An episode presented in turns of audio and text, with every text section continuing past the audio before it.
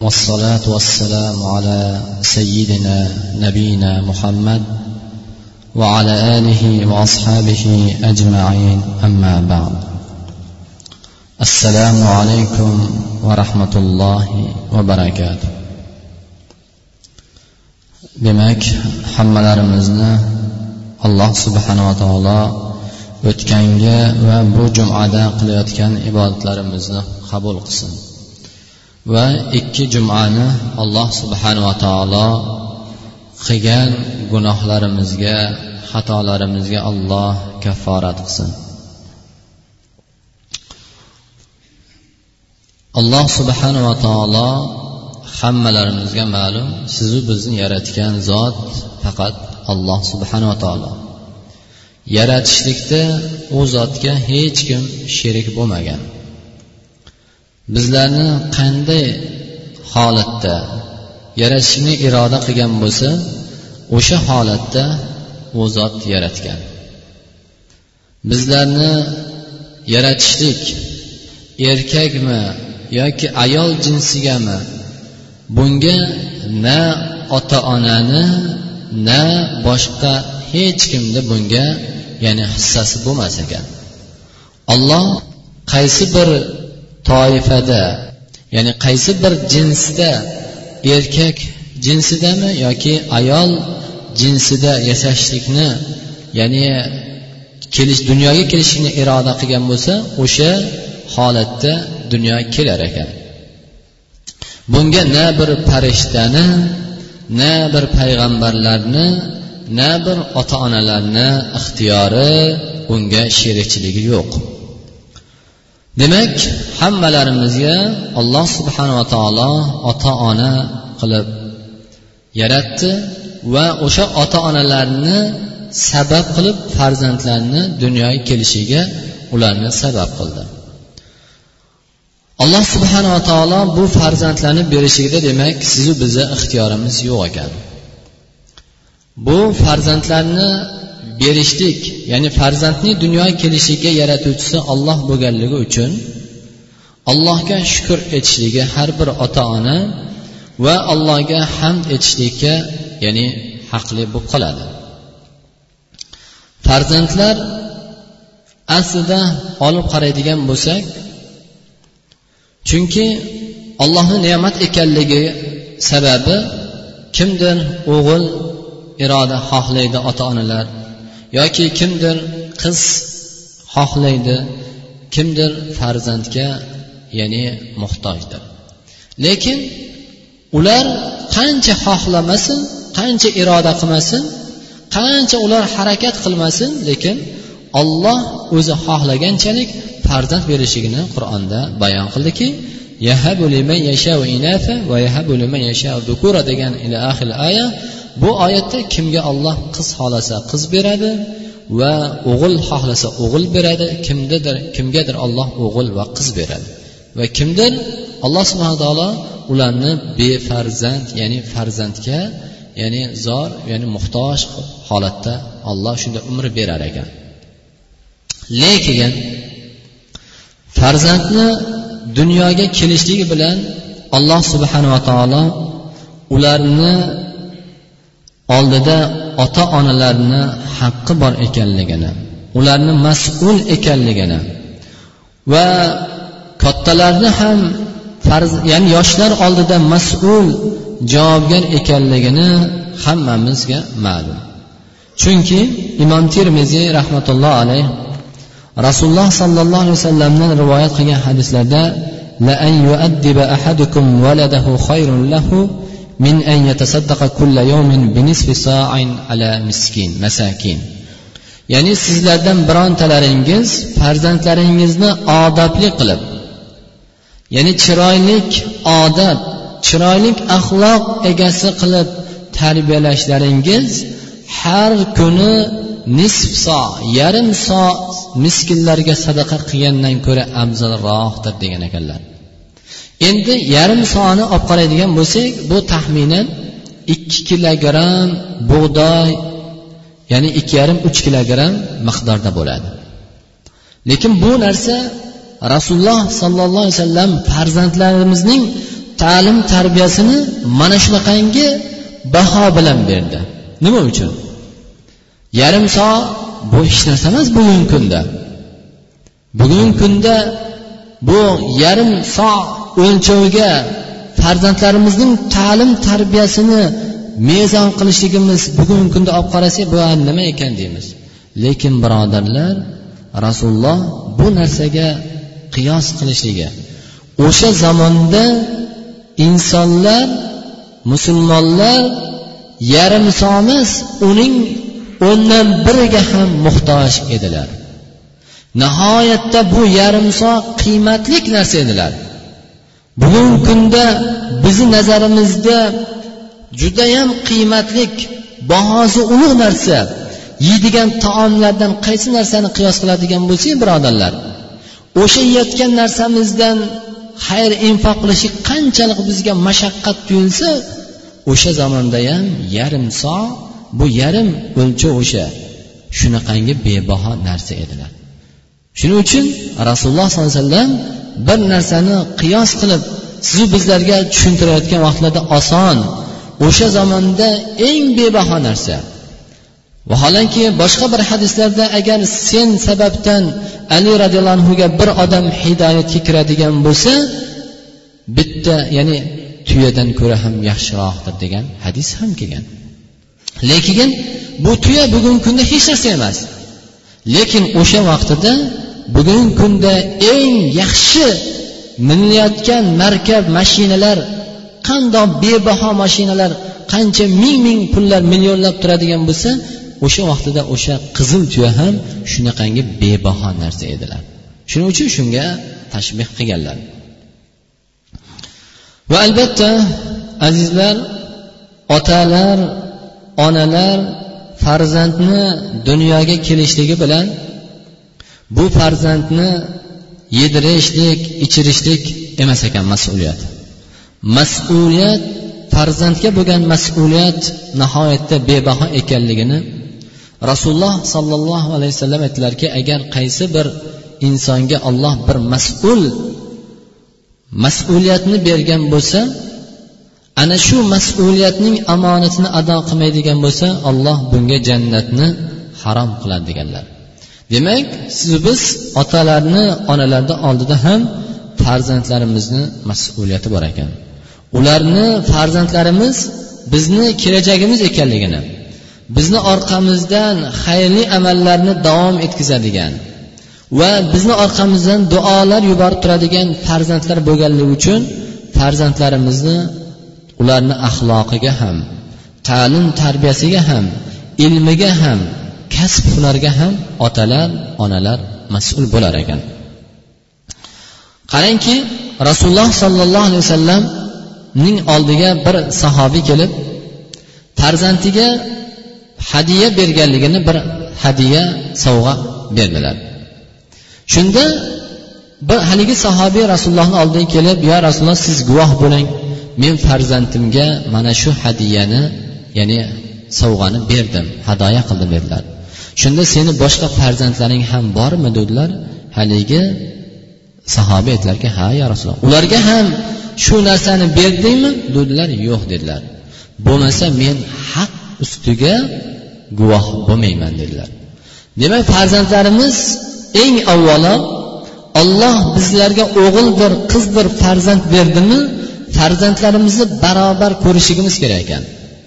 Farzandlarni ularni haqlarida ularning ta'lim tarbiyasida ularni kiyinishida ularni yeyish ichishlarida ham birodarlar adolat qilishimiz kerak ekan. Ana unda farzandlarimiz bizlarga namuna bo'ladigan o'rnak oladigan va aytgan so'zlarimizga amal qiladigan farzand bo'lar ekan. Safon ibn sulaym roziyallohu anhu aytadilarki qilali rasululloh sollallohu alayhi vasallam farzandlarimizni to'g'ri ta'lim tarbiya berishligimizga oddiy bir misol. Otalar biz e'tibor bermaymiz. Agar biz otalar onalar va ustozlar yoshlarga farzandlarimizga haqqimizni ularni haqlarini ado qilib to'g'ri ta'lim tarbiya haq narsalarni yetkazmaydigan bo'lsak birodarlar bu mas'uliyatimizni xohlasak ham xohlamasak ham boshqa odamlar qo'lga oladi. Ya'ni bizni mas'uliyatimizni boshqa odamlar o'z bo'ynlariga olar ekanlar. Bu narsa nima? Agar o'sha odam to'g'ri bo'lsa alhamdulillah. Lekin bizlar farzandlarimizni tashlab qo'yadigan bo'lsak ya'ni ularni axloq odobi bilan mashg'ul bo'lmaydigan bo'lsak noto'g'ri yo'lga ketganlar yoki zalolatda farzandlarimizga gunoh yo'llarni o'rgatadigan adashgan yo'llarni o'rgatadigan odamlar qo'liga tushib qolsa birodarlar otalariga u mas'ul bo'lgan odamlar faqat dunyoda emas oxiratda ham ollohni oldida javob berar ekan. Qarangki bizni farzandlarimizni ta'lim tarbiyasiga yoshlarimizga ko'proq o'zimiz sababchi bo'lamiz. Otalar onalar. Biz o'zimiz farzandlarimizdan agar biror noqobil ishni ko'radigan bo'lsak o'zimizdan xafa bo'lishimiz kerak ekan. Birinchi o'zimizdan aybni o'zimizdan axtarishimiz kerak ekan. U ko'chadagi odamdan yoki bo'lmasa bir ustozidan emas eng avvalo shu farzandlarimizga qaramaganligimiz uchun. Hech bo'lmaganda bir kunda birodarlar bu e'tibor bo'lmaymiz. Farzandlarimizni boqyapman yediryapman kiydiryapman deb ish bilan ya'ni ertalab chiqib ketib kechasi kelib yo'q unaqa emas ekan. Farzandlarimiz oldida o'tirib bir soatmi? Hech bo'lmaganda farzandlarimiz oldimizda ular bilan to'g'ri gaplarni tushuntirib oldimizda o'ynaganda ey farzandim bundoq emas. Yoki ular bilan o'tirganda suhbatlangan suhbatlashganda og'zidan chiqayotgan so'zni e bolam yo o'g'lim yoki qizim bu bizni axloqimizga to'g'ri kelmaydi. Bu islomda yoki iymonda yo'q narsa bular. Yoki sizni bu gapirayotgan gapingiz yaxshi emas degan narsalarni birodarlar gapirishimiz kerak ekan. Ha farzandimiz dunyoga keldi mana bu buyog'i bilan boqishimiz kerak yoki unga imorat solishimiz kerak deb chiqib ketishmas ekan. Rasululloh sollallohu alayhi vasallam nabiralari hasan va husayn roziyallohu anhular bilan nabiralari bilan o'tirardilar. Nabiralar bilan birga o'ynardilar. Rasululloh o'zlari yelkalariga chiqarib mindirib yurarkanlar. Farzandlarini. Ular bilan hazil mutoyiba qilarkanlar. Agar bolalar bilan ular noto'g'ri bir ish qiladigan bo'lsa ularni urib emas chiroyli so'z bilan yaxshi so'zlar bilan ya'ni haq yo'llarni ko'rsatar ekanlar shuning uchun eng avvalo azizlar bu yoshlarimiz ha bu yosh bola deymiz farzandlarimizga e'tibor bermas ekanmizu. Lekin yoshlik rasululloh ko'p xitoblarida ya mashara shabab ey yoshlar deb xitob qilardilar. Ey yoshlar ey o'g'lim ey qizim dedilar. Yoshlarga qaratib xitob qilardilar. Chunki inson qariga keksayganda juda ko'p narsani xohlasa ham qodir bo'lmay qoladi. Shuning uchun rasululloh aytdilarki ya'ni beshta narsani beshta narsadan oldin g'animat bilinglar degan hadislarni bittasi yoshligingizni ya'ni keksayishingizdan oldin g'animat biling. Chunki yoshligimizda har qancha soatlab turib ibodat qilishlikka yoki ertalab chiqib ketib kechasi kelish mehnat qilib kechgacha ahli ayolimizni huzuriga kelsak ham charchamaymiz. Bir uxlab tursak yana charchoq ketadi yana ertasiga erta ishga ketaveramiz. Lekin keksayadigan bo'lsachi keksayganda insonni ko'zida nuri ketishligi uning qulog'idan quvvati ketishligi qo'lidan oyog'idan kuch quvvatni ketishligi. Birodarlar bu narsalar keksa odamlar yoshlar olloh unga kuch quvvat berishligi ko'zdan ham belda ham oyoqda ham aqlda ham quloqda ham alloh subhana taolo kuch quvvat berar ekan. Shuning uchun ham rasululloh sollallohu alayhi vasallam aytdilarki qiyomat kunida uchta birinchi bo'lib so'raladigan narsalardan bittasi o'sha yoshlikda berilgan olloh tomonidan berilgan kuch quvvat qayerga sarf qilindi. Albatta yoshlarimizga farzandlarimizni hammamiz yaxshi ko'ramiz. Farzandlarimizga ta'lim tarbiya qilishlikda birodarlar ulamolarimiz aytganlarki xuddi do'stimizni farzandiga qanday muomalada qilamiz? Ota ona ham farzandiga shunday muomalada bo'lishi kerak ekan. Farzandimizga do'stimizni farzandini urolmaymiz. Do'stimizni farzandiga chiroyli muomalada bo'lamiz.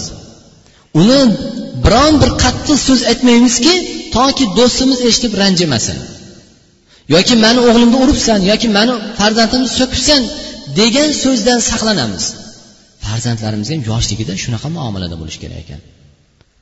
Ularni farzandlarimizni juda haddan ham oshirib erkalatish emas juda qattiq qo'llik ham emas me'yorida olib borishlikni bizga islom ta'lim bergan ekan. Shuning uchun rasululloh sollallohu alayhi vasallam sizu bizlarga shundoq bir hadisni marhamat qildilarki va hatta yaktuba indalloh siddiq. Ya'ni albatta rostgo'ylik insonni yaxshilikka boshlaydi. Qaysi bir odamni ko'rsangiz agar rost so'zni haq so'zni to'g'ri so'z so'zlaydigan bo'lsa bu odamda yaxshilik bo'ladi. Bu odamdan yaxshi hamma manfaatdor bo'ladi. Va albatta bu yaxshilik insonni hidoyatga boshlaydi. Va albatta qaysi bir inson hidoyatlandimi? Bu odam jannatga boradi. Va qaysi bir inson agar haq to'g'ri so'zni so'zlaydigan bo'lsa bu odam albatta allohni huzurida ham siddiqlar qatorida yozilar ekan. Albatta siddiqlar qatorida bo'lgandan keyin shaksiz shubhasiz bu odam dunyo oxiratni ne'matini rahmatini topadi.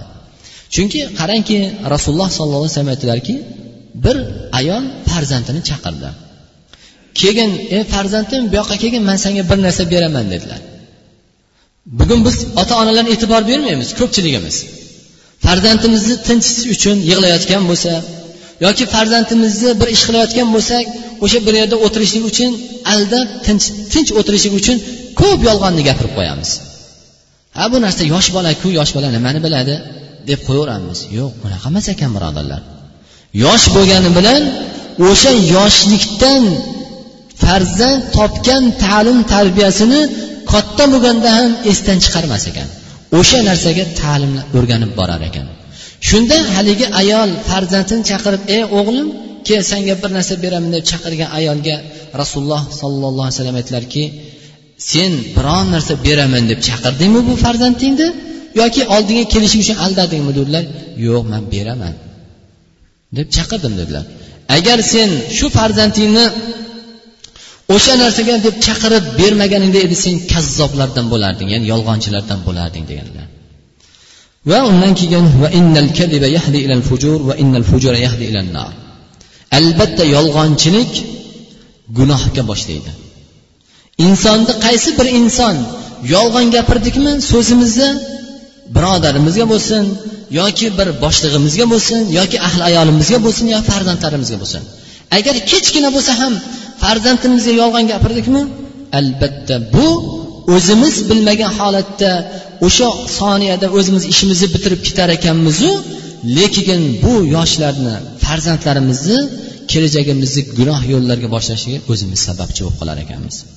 Va innal fujura yahdi albatta fojir gunoh jahannamga ketadigan olib boradigan narsa وإن الرجل لا يكذب حتى يكتب عند الله يكتب عند الله تعالى كذابا agar qaysi bir kishi qaysi bir ona agar yolg'on gapirdimi bu albatta ollohni huzurida kazzom deb bitilar ekan va albatta bu odam odamlarni oldida ham yolg'onchi u odamni gapiga birov ishonmaydigan ya'ni birov bu haq gapni gapirganda ham bu odamga itoat qilmaydigan ya'ni eshitmaydigan bo'lib qolar ekan.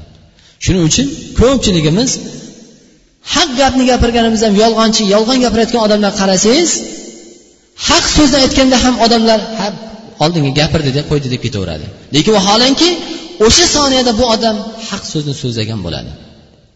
Shuning uchun birodarlar o'zimizni tilimizni farzandlarimizni oldida ham yoshlarni oldida ham o'zimizni ishimiz yurishi uchun yoki farzandlarimizni o'sha g'avg'asidan harhashasidan tinch bo'lay deb turib yolg'on gapirmaylik birodarlar. Haq so'zni aytishimiz kerak ekan. Agar bu narsani biz qilishga qodir bo'lmasak farzandim chiroyli muomalada do'stimizni farzandiga qiladigan muomalada holatida farzandimizga ham shundoq ta'lim tarbiya berishimiz kerak ekan. Va albatta rasululloh sollallohu alayhi vasallam bir hadislarda sabatul ya'ni yetti toifa odam borki bu yetti toifa odam qiyomat kunida soya yo'q vaqtida. Insonlar bugun hozir qarang mana issiq bir muzdoq bir salqin bir joy bo'ladigan bo'lsa salqin bir ichimlik bo'ladigan muzda bir holatda bo'lsa qanaqa inson rohatlanadi? Qanday hozir hammamiz orzu qilamiz shunaqa joyni? Birodarlar qiyomatda bunaqangi salqin yo'q. Bunaqangi bizni shamollatadigan sovutadigan narsalar ham yo'q. Ana unda kunda sahroda ya'ni insonlarni miyasi qaynab turadigan bir kunda olloh o'zining arshini soyasidan joy berar ekanki biri o'shalardan bittasi shabbun fi toatillahi ya'ni bir yosh o'spirin kuch quvvati bor vaqtida ya'ni bu har qancha mehnat qilsa ham ishlasa ham ozgina rohat dam olishligi bilan charchog'i chiqib yana toatda ibodatda kasb mehnatda davom etgan toifa bo'lar ekan. Ana shu kuch quvvatini mana shunga sarf qilgan odam dedilar. Shuning uchun bu keksa demadilar. Chunki keksa odam xohlasa ham xohlamasa ham juda ko'p keksalarimiz ibodatga kiradilar. Toatga chunki ular juda ko'p gunohlardan quvvatlari yetmaydilar saqlanadilar. Chunki ko'p narsani yoshlar xohlagan orzu qilgan narsani endi allohga xudoga shukur mana qornim to'ydi xudoga shukur deydigan bo'lib qoladi. Lekin yoshlarchi yoshlik vaqtida inson orzu havas uni ishtiyoqi uning shahvati uning rag'bati juda ko'p narsalarni orzu qiladi. Lekin ana shu vaqtida kechasi bilan yurib ham charchamaydigan soatlab mehnat qilsa ham charchamaydigan vaqtda bo'ladi. Ana shu vaqtida to'g'ri yo'lda bo'lsa ana shu yoshlik kuch quvvatida haq yo'lda yuradigan bo'lsa o'ziga ham diniga ham ahli ayoliga ham vataniga ham bir yoru birodarlarga ham xizmat qiladigan yoshda bo'lsa mana bu yo'lda bo'ladigan inson birodarlar alloh mana shunday bir toatni berar ekan. Shuning uchun yana takror aytamiz. Birodarlar farzandlarimizni ha bular biz qandoq katta bo'lsak bular o'zi katta bo'lib qoladida deb biz kiyimiga ularni mol dunyosiga ularni imoratiga e'tibor beramizu? Yo'q birodarlar. Bu bilan biz farzandlarimizga saodatni baxtni olib berolmas ekanmiz. Farzandlarimizga saodat baxtni ularni to'g'ri yo'lni ko'rsatishligi haq yo'lni bildirishligimiz bilan ularni mehnat kasbga o'rgatishlik bilan inson ota ona berar ekan. Chunki sinnul bulug' degan murohaqa ya'ni bu o'zimizni ulamolarda ham hammamizga ma'lum o'sha farzandlarimizni o'g'ildir qizdir birodarlar murohaqa yoshi bo'ladi. Ya'ni balog'at yoshi. Balog'at yoshi o'n ikki o'n uch yoshdan to o'sha yigirma yoshgacha bo'ladigan har kimda har xil holatda bo'ladi. Ana shu yoshda otalar onalar hakim hakima bo'lishi kerak ekan. Ularga juda ham qattiq qo'l emas ham emas. Ularga juda ham yumshoq ham emas birodarlar. Ularni mana shundoq ular nima xohlashini ularni harakatlariga ularni so'zlariga ularni amallariga qarab otalar onalar hikmat bilan muomalada bo'lishimiz kerak ekan. Agar mana shu yoshda farzandlarimiz qaysi ta'lim tarbiyani olsa qaysi axloq odobni o'rgasa o'rgansa umrni oxirigacha mana shu holatda ketar ekan. Bu hammalarimizga o'sha nafs ulamolari juda farzandlarimizni yoshlar shug'ullanadigan olimlar hammasi bu narsaga juda chiroyli qilib tushuntirib bergan. Shuning uchun otalar eng birinchi avvalo oilani mas'uliyati agar otalar bu zimmasini haqqini ado qilmasa onalar haqni ado qilish kerak ekan. Chunki rasululloh sollallohu alayhi vasallam qarangki abu yala rahmatulloh alayhi abu hurayra roziyallohu anhudan rivoyat etadilarki rasululloh sollallohu alayhi vasallam ana avvalu man yuftahu babul jannah ya'ni jannat eshigi birinchi bo'lib kimga ochiladi? Payg'ambarimiz sollallohu alayhi vasallam ochadi rasululloh jannatning eshigi birinchi bo'lib ochiladigan zot bu rasululloh sollallohu alayhi vasallamgadir.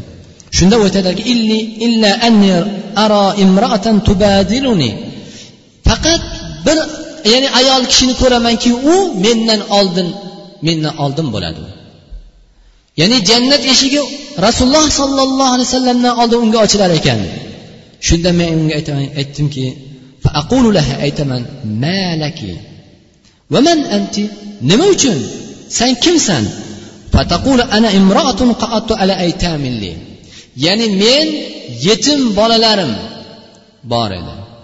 Yetim bolalarimni ta'lim tarbiyasida o'sha yosh farzandlarini ularni to'g'ri yo'lni halol yo'lni haq yo'lni mehnatni o'rgatgan edim. Alloh qarangki ayollarga shundoq ana bu ayollarimizga mana bundoq mukofot berilar ekan. Bu faqat shuning uchun ulamo aytgan ekan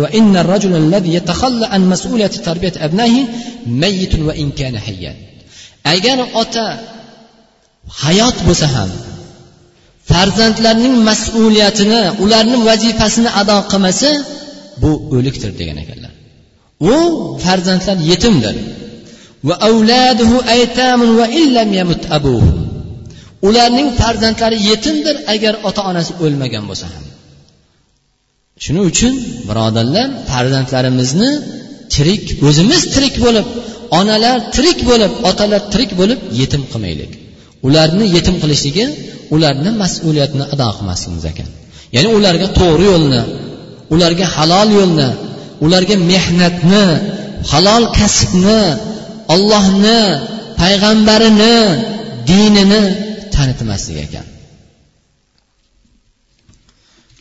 Va undan keyin albatta farzandlarimizga biz ko'p e'tibor bermaymiz lekin alloh subhanava taolo qur'oni karim tavba surasida audu billahi minash shaytonir rojim ya ayyuhallazina amanu ittaqulloh va kunu solihin ey mo'minlar deb alloh xitob qildi.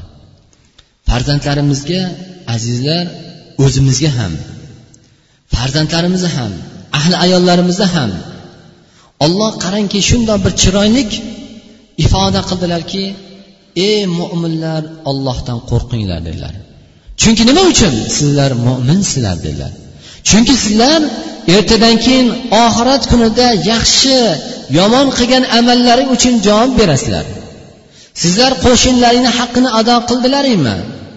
Sizlar farzandlaringizni haqqini ado qildingizmi? Sizlar ayolingizni haqqini ado qildingizmi? Sizlar erlarni haqqini ado qildingizmi?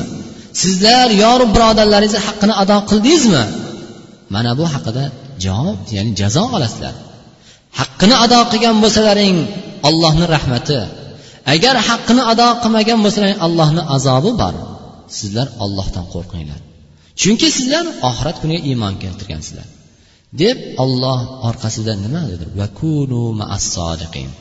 sizlar sodiqinlar bilan bo'linglar. Allohga iymon keltirsaku ollohdan qo'rqadigan bo'lsak taqvo qiladigan bo'lsak lekin oshna og'aynilarimizni ham birodarlar ana shundoq solih odamlardan. Halol mehnatkash dini dini diyonatlik axloqlik insonlarni tanlashimiz kerak ekan. Farzandlarimizga ham mana shu narsa yo'lni ko'rsatishimiz kerak ekan. Farzandlarimizni yurayotgan oshna og'inlarni qizlarimizni dugonalarini o'rtoqlarini birodarlar so'rab surishtirishimiz kerak ekan. Ana bunday odamlarga o'rtoqlarga ya'ni qo'shishimiz kerak ekan. Va albatta undan keyin azizlar inson alloh subhanava taolo qur'oni karimda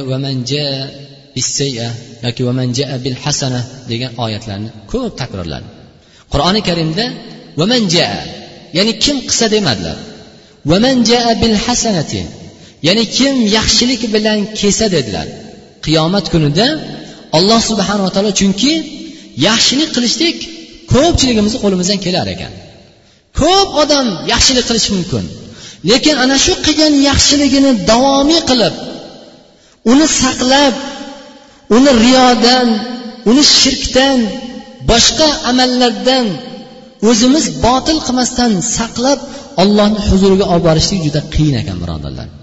Shuning uchun alloh subhana taolo kim ollohni huzuriga yaxshi amallar bilan yaxshilik bilan keladigan bo'lsa alloh subhana taolo unga ziyoda qilib beraman deb va'da qildi. Nimani?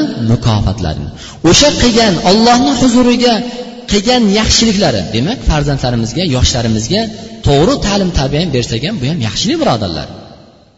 Ana shu yaxshiliklarni ollohni huzuriga saqlab olib borsak birovga bugun yaxshilik qilib ertasiga ha man yaxshilik qiluvdim. Yoki undan bir ta'magar bo'lishlik yo umid qilishlik birodarlar bu ollohni huzuriga bormas ekan. Shuning uchun alloh subhana taolo bu narsaga qattiq bizlarni ya'ni ogohlantirdi. Va rasululloh sollallohu alayhi vasallamdan so'ragan ekanlarki mo'min odam baxil bo'lishi mumkinmi? deganlarida ha degan ekanlar. Ya'ni mo'min odam shu inson yonidagilardan ta'sirlanishi mumkin yoki iymon zaifligidan olloh har qancha mol dunyo bersa ham lekin kelgan muhtojlarga yetim yetimlarga kambag'al faqirlarga infoq qilmasligi mumkin. Yana so'ragan ekanlarki ya'ni mo'min odam qo'rqoq bo'lishi mumkinmi?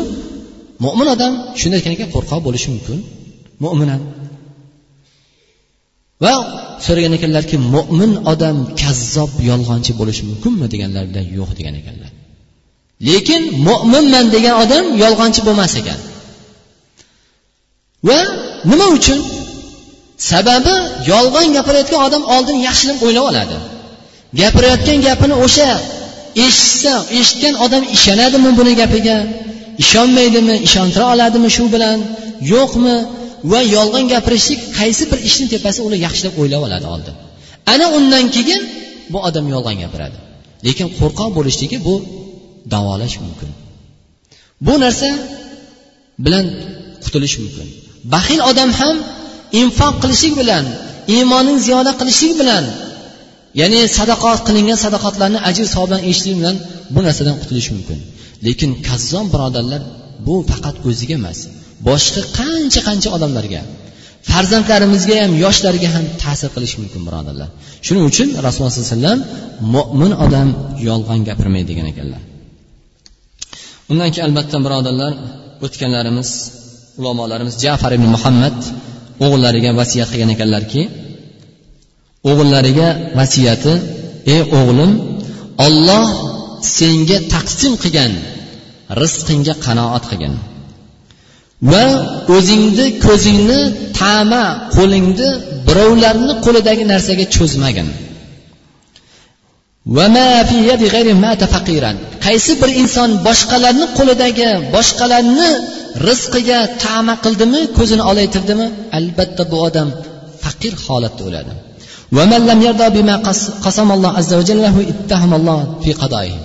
Kim olloh taqdiriga ollohni qismatiga belgilab qo'ygan qismatiga rozi bo'lmadimi? Bu ollohni qazosiga ya'ni tuhmat qilgan bo'ladi. Ya'ni gunohkor bo'ladi.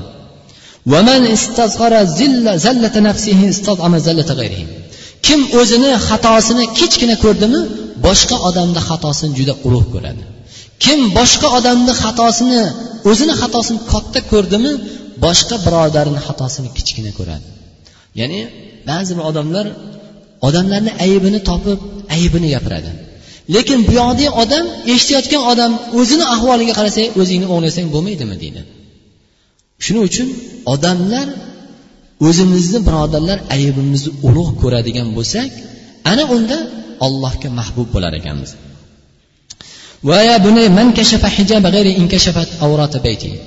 Ey o'g'lim agar boshqa bir odamni olloh bekitib qo'ygan aybini gunohini gapirdingmi uni aybini xatosini orqasidan yurdingmi? Ba'zi bir odam tabiati shunaqa. Ataylab odamlarni xatosini topsa shu kamchiligini topsa uni nuqson ayblarini topib yurishni yaxshi ko'radi. Alloh subhanava taolo bu odamni o'zini emas uyidagi xotin bola chaqalarni ham avratini ochib qo'yar ekan. Ya'ni o'zimizni tasavvur qiling butun ahli ayol farzandlarimizni yalang'och ko'rsa tashqaridagi odamlar kim bunga chiday oladi? Hech kim chiday olmaydi. Olloh ana bunaqangi odamlarni butun ahli ayol farzandlarini avratini ochib qo'yadi ya'ni ayb nuqsonlarini. Shuning uchun azizlar payg'ambarimiz sallallohu alayhi vasallam yaxshilab eshitib olaylik man bi akhihi fayuafiyahulloh va yubtiyalak deganlar. Imom abu davud va termiziy kim agar boshqa bir birodarini xatosini bir musibat kelsa qiyinchilik kelsa yoki aybini ko'rib xursand bo'ladigan bo'lsa ya'ni xursand bo'lib boshqalarga gapirib xursand bo'lib shundan faxrlanadigan bo'lsa haligi birodarini xatosini kamchiliklarini ko'rib masxaralaydigan bo'lsa olloh birodarlar mumkin emas ekan. Bu odam shu xatodan xoli bo'lib o'tmas ekan. Albatta shu odamni o'zi u birodarni olloh o'sha musibatdan qutqarib o'sha gapirgan xursand bo'lgan odamni olloh o'zi shunga mubtalo qilib qo'yar ekan. Shuning uchun qo'rqaylik birodarlar. Yana takror aytaman birodarlar qo'rqaylik hammalarimiz farzandlarimiz bor orzularimiz bor umidlarimiz bor. Birovlarni aybini qo'limizdan kelsa nasihat qilib chiroyli qilib yetkazib tuzatishga harakat qilaylik. Ularni xatolaridan ayblaridan nuqsonlaridan kamchiliklardan birodarlar xursand bo'lmaylik. Chunki hammalarimiz ham ahillarimiz bor farzandlarimiz bor aka ukalarimiz bor ota onalarimiz bor. Olloh ularni bizni sharmanda qilib qo'yar ekan ularni oldida. Shuning uchun azizlar ba'zi birodarlarimiz bu gapirayotgan gaplarga e'tibor qilaylik. Qur'on va sunnat deganda faqat bu qur'on sunnat ekan davlatni qonuni davlatimizni chiqarayotgan qonuniga amal qilmasa ham bo'laverar ekan degan tushuncha gapirayotgan birodarlarimiz ham bor ekan. Yo'q unaqa emas birodarlar. Biz qur'on va sunnat agar biz qur'on va sunnatdan murod gapirishimiz nima? Iymoni yo'q odam xotirjam bo'lsin. Bu odam o'ziga ham vafo qilmaydi iymoni yo'q odam ahli ayoliga ham farzandiga ham qo'shnisiga ham mahallasiga ham vataniga ham olloh sodiq bo'lmaydi birodarlar. Shuning uchun birinchi o'rinda qur'on va sunnatga amal qilishligimiz bilan undan keyin modomiki mana shu vatanda davlatimizda yashayapmizmi? Davlatimizni chiqargan qonun qonunlari sizu bizni manfaatimiz uchun tinchligimiz uchun xavfsizligimiz uchun bo'layotgan qonunga amal qilamiz. Oddiy bir misol svetofor ishora. Ba'zi bir birodarlarimiz ishoraga amal qilmasa ham bo'laverar ekan domla aytdi degan gapni gapiradi yo'q birodarlar olloh saqlasin olloh agar shu narsani man gapirgan bo'lsam biror yerda og'zimdan bu narsa chiqqan yo'q. Ishoradan to'xtamasa o'tib ketgan odam gunohkor bo'ladi. Bu gunohi birodarlar bitta o'ziga emas. Agar hodisa bo'lsachi alloh saqlasin qancha inson umriga zavol bo'ladi. Yoki pora berishlik bilan qancha o'zini ham boshqani ham gunohkor qiladi. Birodarlar bu gunohkor bo'ladi. Qonunga amal qilamiz. Manfaatimiz uchunmi? Amal qilamiz.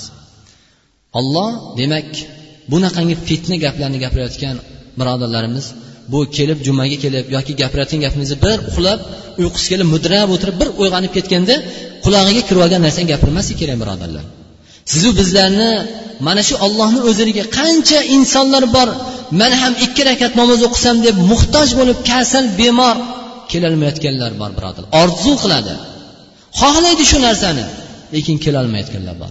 Modomiki sizu bizni olloh muvaffaq qildimi? Demak kelganimizdan keyin rasululloh sollallohu alayhi vasallam qaysi bir inson jumaga kelsa yuvinib g'usul qilib olloh ya'ni xutbani eshitadigan bo'lsa imom bilan jumani ado qiladigan bo'lsa lahu lag'u befoyda g'iybat ya'ni dunyoviy so'zlardan behuda so'zlardan saqlanib jumani ado qiladigan bo'lsa alloh gunohlarni mag'firat qiladi dedilar. Bu kichkina narsa emas birodarlar. Demak hammalarimizni gunohlari mag'firat bo'lib ketyapti ekanda. Yo'q. Chunki har kim har xil xayolda keladi. Har kim har xil maqsadda keladi. Shuning uchun birodarlar niyatimizni to'g'ri qilaylik. Maqsadlarimizni to'g'ri qilaylik. Bu yerga allohni huzuriga kelganimizdan keyin hammasini to'g'ri tushunaylik. Mabodo tushunmagan joyimiz bo'ladigan bo'lsa qayta chiroyli qilib aniq holatda so'rab olishga harakat qilaylik birodarlar. Va sallallohu alayhi nabiyina muhammad va ala alihi va ajmain. Parvardigoro hammalarimizni iymonda ibodatda sobit qadam qilgin. Eng avvalo o'zlarimizga ahllarimizga farzandlarimizga tavfiq bergin. Seni haq yo'lingda yurishlikka alloh bizlarga muyassar qilgin. Hammalarimiz olloh bir birlarimizga bo'lgan mas'uliyatlarimizni haqlarimizni ado qilishlarga bizlarga tavfiq bergin. Alloh hammalarni xonadonimizni mahallamizni vatanimizni tinchlik xotirjamlik qilgin. Birodarlarimiz bor ekan bu mahallani guzariga xizmat qilgan puli bilan qo'li bilan mehnati bilan yordam qilgan. Olloh ularni tavfiq hidoyat ato qilib haq yo'lda halol yo'llarda olloh ularni hamisha yaxshilik qilishiga sadoqatlar qilishga alloh ularga tavfiq bergin va mol dunyolariga barakatlar ato qilgin. Haq yo'llarda yurgan birodarlarimizni alloh sobit qilgin va zalolatda yurgan adashib yurgan gunoh yo'llarda yurishgan yurganlarga alloh tavfiq bergin. Albatta tavfiqni sen berasan. Qalblarimizni egasi o'zingsan parvardigoro. Orqamizda kelayotgan farzandlarimizga yoshlarimizga olloh yoshi ulug'larni ustozlarni olimlarni namuna qilgin ularni go'zal xulqlari bilan axloqlari bilan odoblar bilan olloh ularga bizlarni namuna qilgin alloh ularni ham parvardigoro bizlarni solih amallarimizga merosxo'r qilgin ularni dunyoda qandoq bizlar bilan jam qilgan bo'lsang jannatingda ham ota onalarimiz bilan ahllarimiz bilan yoshlar farzandlarini alloh birga jam qilgin va sallallohu alayhi muhammad. Rahmatiga rahmar rohim